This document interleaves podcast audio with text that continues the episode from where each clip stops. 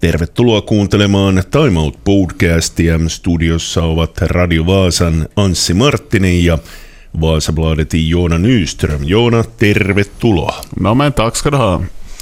Paljon puhuttavaa. Lähdetään liikkeelle jääkiekosta. Sport, kolme ottelua, kolme tappiota. Mikä on Joonan analyysi? Ja, jag vet inte om det var i Kalle Anka som jag, jag läste det här uttrycket upp som en sol och ner som en pannkaka för, för, för första gången.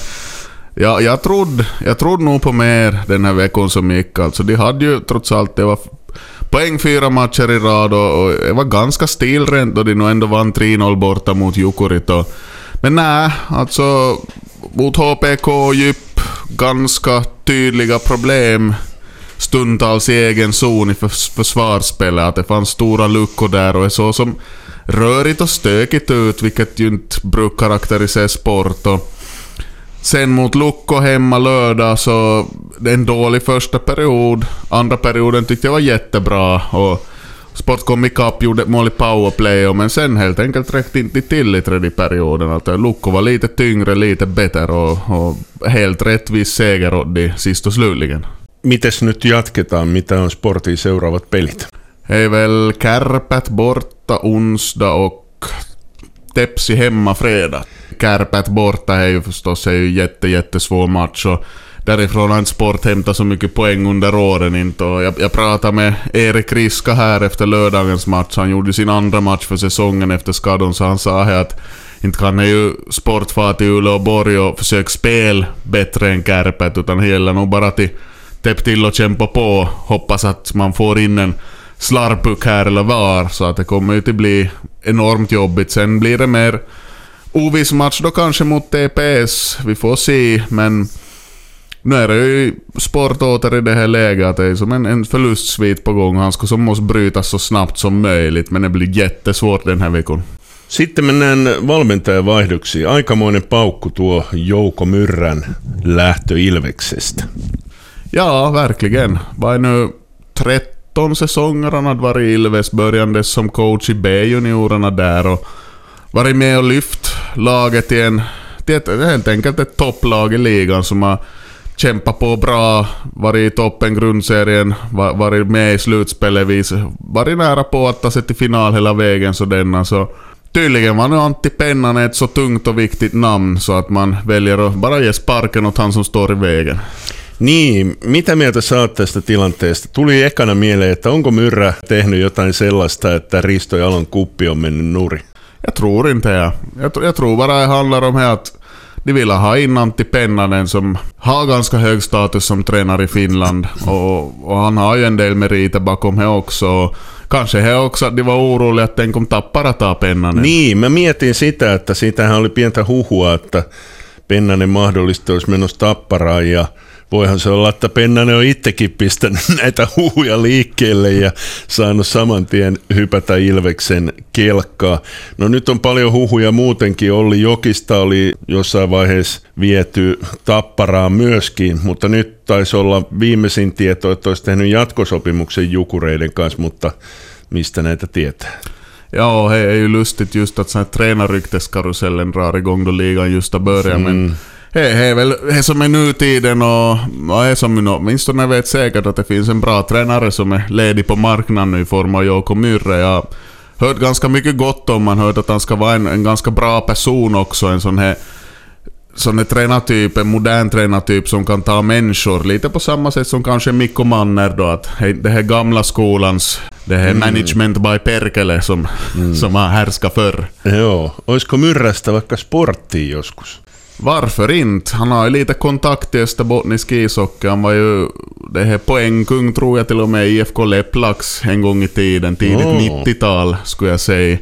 Så att, eh, men sen å andra sidan så har ju Risto Dufa fortfarande kontrakt över nästa säsong ännu i sport. Så att vi får se. Puhutaan vielä valmentaja-asioista.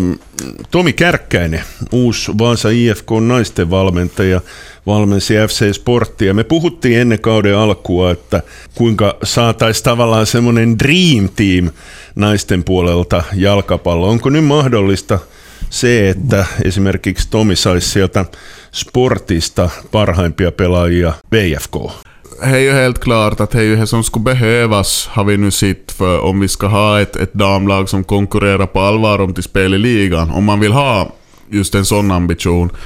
Och jag minns att jag, jag pratade just med Kärde, som han kallas, förra säsongen då FC Sport var i division 2. Han sa ju också här att om, om jag skulle gå, stiga upp så skulle man måste samarbeta, man skulle måste slå ihop. Och kanske är det här som IFK också hoppas på genom det här, att, att, att Kärde ska kunna ta med sig spelare från sport då och bygga upp ett ännu bättre IFK till nästa säsong. Nu då FC Sport dessutom också faller de hoppas väl fortfarande på att det ska öppnas någon, någon serieplats genom bakdörren, men man vet ju aldrig med sånt. Men eh, det skulle absolut behövas att man sätter alla, alla ägg i samma korg så att säga.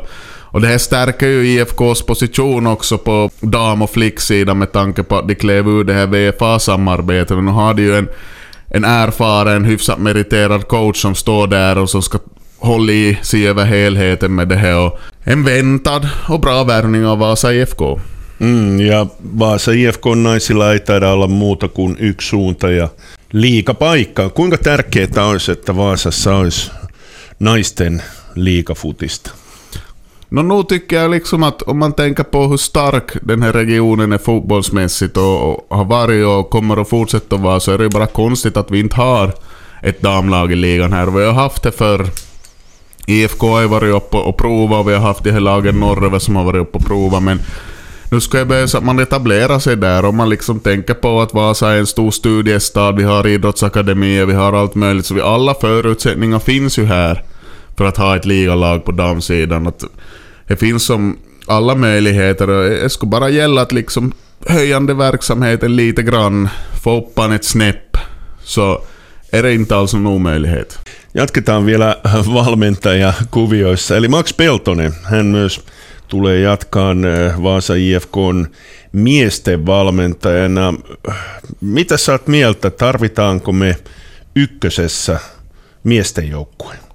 Kakkosessahan nyt ollaan, mutta onko IFKlla esimerkiksi mahdollisuuksia ykköseen? Ja mä en enää edes muista, että miten tämä sarjajärjestelmä uusiutuu. Ja, no, det ska ju bli det här tvådelade division 1. Nu har man, det var väl inte till nästa, eller var till nästa säsong efter det först, men oavsett så division 1 kommer till väx och, och i och med det så tycker jag absolut att Vasa IFK skulle kunna vara en förening som skulle ha ett lag där. Och, och vi har sett nu den här säsongen och kanske att, att division 2-nivån lite generellt har sjunkit, har föryngrats lite, har blivit en annorlunda serie men jag har sett många av IFKs matcher den här säsongen och de spelar en väldigt attraktiv fotboll nu för tiden med ganska ungt lag ändå. Det är mycket hemvävt, det är en par pojkar från VPS och, och, några värvningar där men en väldigt bra helhet och ett lag som om, om det hålls ihop det går till bygg på i åratal ännu. Så det är väldigt bra förspänt där och väldigt väntat också att de skriver nytt kontrakt med Max Peltonen som har gjort ett bra jobb här och två år till nu så ser jag inte alls någon omöjlighet att Vasa IFK ska kunna vara ett division 1-lag och det kan å andra sidan redan hända ganska snabbt nu. Jag, jag pratade med Max efter söndagens match när de vann 2-1 hemma mot Ols så de siktar på att det blir bästa zon 2 nu i division 2 och där är det ju då till om, om något lag som inte klarar licensen då så är det hastigt så är det i division 1. Att, tänk till exempel på Helsingfors IFK vars ekonomiska bekymmer har varit på tapeten precis hela säsongen så man vet aldrig men det är väl inte helt klart här ännu eller de ska väl vinna två matcher till nu då så får vi se. JIK vann ju den här norra zonen i division 2 i år. Time Out Podcast käynnissä studiossa Radio Vaasan Anssi Marttinen ja Vaasabladetin Joona Nyström. Ja tämänkertainen podcast on hyvin jalkapallovoittoinen. Seuraavaksi puhutaan Vaasan palloseurasta. Ei puhuta tuosta ottelusta, vaan puhutaan parista muusta asiasta ja puhutaan parista pelaajasopimuksesta, joka oli mun mielestä ainakin erittäin tärkeitä sopimuksia. Mikko Pitkänen teki sopimuksen ja sitten mies, joka on aika lailla tämmöinen ehkä aliarvostettu pelaaja tietyllä tavalla, eli Samuel Lindaman, joka pelasi mun mielestä erittäin hyvin ja on erittäin tärkeä pelaaja siinä puolustuksen edessä. Mitäs mieltä olet itse Pitkäsen ja Lindemanin sopimuksista? Ja, när först kom ju Juhani Pikkarainen då, den här Prosper, mittback, mittfältare, mm. samma där. Och Då Pikkarainen skrev på och man vet att Jesper Engström har kontrakt så det, var, det kändes som en tidsfråga att, att Pitkanen skriver på och visst fick vi det kontraktet och, och nu så just Prosper och Lindeman då så har ju varit givna där på botten av mittfältet hela säsongen. Jättebra att båda nu har kontrakt även framöver. Att, det är väl lite som en bra domare som en sån där mittfältspelare. Då de är riktigt bra så syns det inte riktigt. Mm.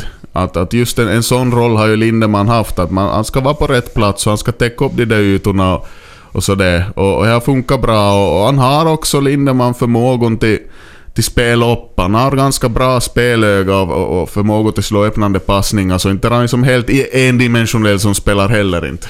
Mä olin siinä käsityksessä, että Vaasan palloseuran kausi loppuu nyt sitten Maariahaminassa tulevana viikonloppuna, mutta jos Vepsu voittaa, niin oliko se niin, että pelaako sen jälkeen SJKta vastaan? Mä luin nämä, miten se menee – mutta oli ne niin sekava. Miten pelataan sitä europelipaikasta jatkossa? Ja, no, no jag diskuterar den här grejen med mina kaverin så brukar vi kalla för eurosekoilu. Det hela.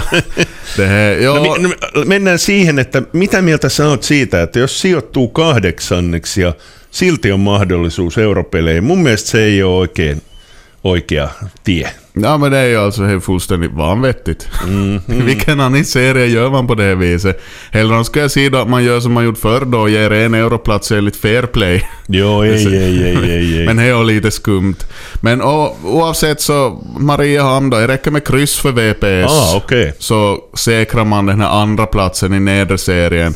Och sen då så beror det på, SJK och FC Inter möts också på söndag. Och Inter har en chans till kliv förbi där, så i så fall blir det Inter som VPS möter. Men just som jag ser just nu så är det SJK då som man möter i det första skedet i det här euro kvalslutturnén, vad man nu riktigt ska kalla det. Och, och sen så blir det blir som en utslagsturnering då, för där då sista laget de möter första laget i nederserien och till slut ska man då möta fyran i övre eller hur det nu var mm. där. Att alltså är så, är så förbannat konstigt att man gör på det här viset. Man liksom först inte klarar övre serien och kan sen ändå gå vidare upp till det händer. Hey, jag vet inte, alltså, ibland känns det som att de sitter på bollförbundet med det här Motova labyrintispelet och bara kastar sådana brickor som inte passar framför varann för att se vad som händer. Ja mä oon sitä mieltä, että esimerkiksi Hakalle, jos käy vielä niin, että Haka, ei, Haka on mun mielestä se nel, nelonen, Hakalle olisi pitänyt antaa tämä paikka ja suoraan ja piste. Joo. Sä oot samaa mieltä. Joo, 100 prosenttia. kyllä, kyllä. Tota, vähän tylsää oli toi, että ennen viimeistä kierrosta nyt sitten jo ratkesi kaikki, eli mitalistit on selvillä Veikkausliigassa. Ja, no, har, har man en klubb och en organisation där du kan hålla på och fylla på med landslagsspelare under säsongens gång lite som det känns så, mm. så ska man ju vinna ligan och det gjorde HJK. Så väntat var ju förstås Kups FC Honka där utmana så gott de kunde, men, men HIK var för stort och starkt mm. åter en gång. Sitten vielä ehkä yhteen tärkeimmistä uutisista, eli oli lohkoarvonnat jalkapallossa. Ja Suomella on aika hyvä onni noissa arvonnoissa. Sitä mä kyllä vähän ihmettelen, että Tanskaa on moni vähätellyt. Kyllä Tanska on kova, kova vastustaja tuosta ykköskorista. Jos mietitään ykköskoria, niin jos Suomella olisi ollut supersäkä, niin Unkari, vaikka Unkari nyt tällä hetkellä on liekeissä, niin mun mielestä oli ylivoimasti huonoin joukkue tuossa. Ja, men å andra sidan så brukar Finland ha svårt just mot Ungern. det är just med tanke på, tänker på Mikso Patelainen så fick ju också sparken efter att Ungern hade vunnit på Stadion till exempel. Och Danmark, jo, jag håller Danmark som en så här kallad svart häst nu i VM som tyvärr ska spelas i vintern för våran del. Men Danmark är jättebra och de kan gå långt i en VM-turnering också. Och, och, men i och med att det är två lag som går vidare direkt till EM-slutspelet, det kvalet, så har ju Finland alla chansen att vad det var Kazakstan, mm. Nordirland, Slovenia. Slovenien och San Marino. Jeps. Ja, nu, nu är det ju alla de där liksom, nationer som Finland kan vinna i en mm. fotbollsmatch, helt klart. Så Danmark blir jättetufft förstås. Men nu går det ju kanske till sno en poäng av dem om man har en riktigt, riktigt, riktigt bra dag. Men alla chanser till gå till EM, helt klart. Joo, ja nyt ollaan kyllä tietysti siinä tilanteessa Suomen osalta, että ollaan sukupolvi murroksessa, eli nyt pitäisi saada niitä uusia pelaajia. Mehän saatiin jo edellisessä pelissä, sä muistat nimenkin, Oliver Antman. Kyllä, kyllä. Hyvä, hyvä. Lisää näitä Oliver Antman-tyylisiä pelaajia. Mun mielestä olisi pakko saada näissä karsinnoissa pelaamaan. Ja, men nu tycker jag Marco Kanerva har kommit en ganska bra bit på vägen om du tänker att försvaret har blivit helt utbytt nästan. Du har spelare som Robert Ivanov, Leo Väisänen som har tagit allt mer ansvar där och mittfältet Rasmus Schüller har växt fram som den här nya Tim Sparv lite där samtidigt som Glenn Kamara finns kvar som visar återigen förra landslagssamlingen hur viktig han är och Teemu Pukki slutar ju aldrig göra mål. Sen har vi Joel Pohjanpalo och Benjamin Kjellman där som, som support i anfallet. Så jag tycker det ser helt okej okay ut för tillfället. Att det är ju Lukas Radetski och Teemu Pukki som är lite gamylen i det här laget nu. Men ingen av dem har ju som på något vis visat tecken på att de skulle vara för dåliga för att spela i det här landslaget och fortsätta där. Om vi nu ska göra lite reklam ännu för någonting som händer så vi har ju, vi har ju division 2-kval på lördag i stan. Det mm. blir jätteintressant match tror jag, VPS TP47.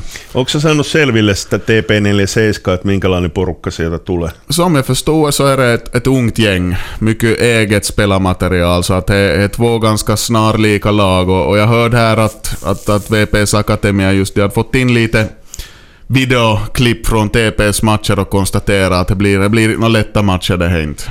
No sitä vielä katsomaan ja miten muuten se menee, että jos näitä ihme europelejä tulee, niin tuleeko vielä Vaasaankin Vepsun peli? Jag är inte helt säker, jag ska vara ärlig där. samma, jag klarnar väl småningom. Joona Nyström, kiitoksia. Tack, tack.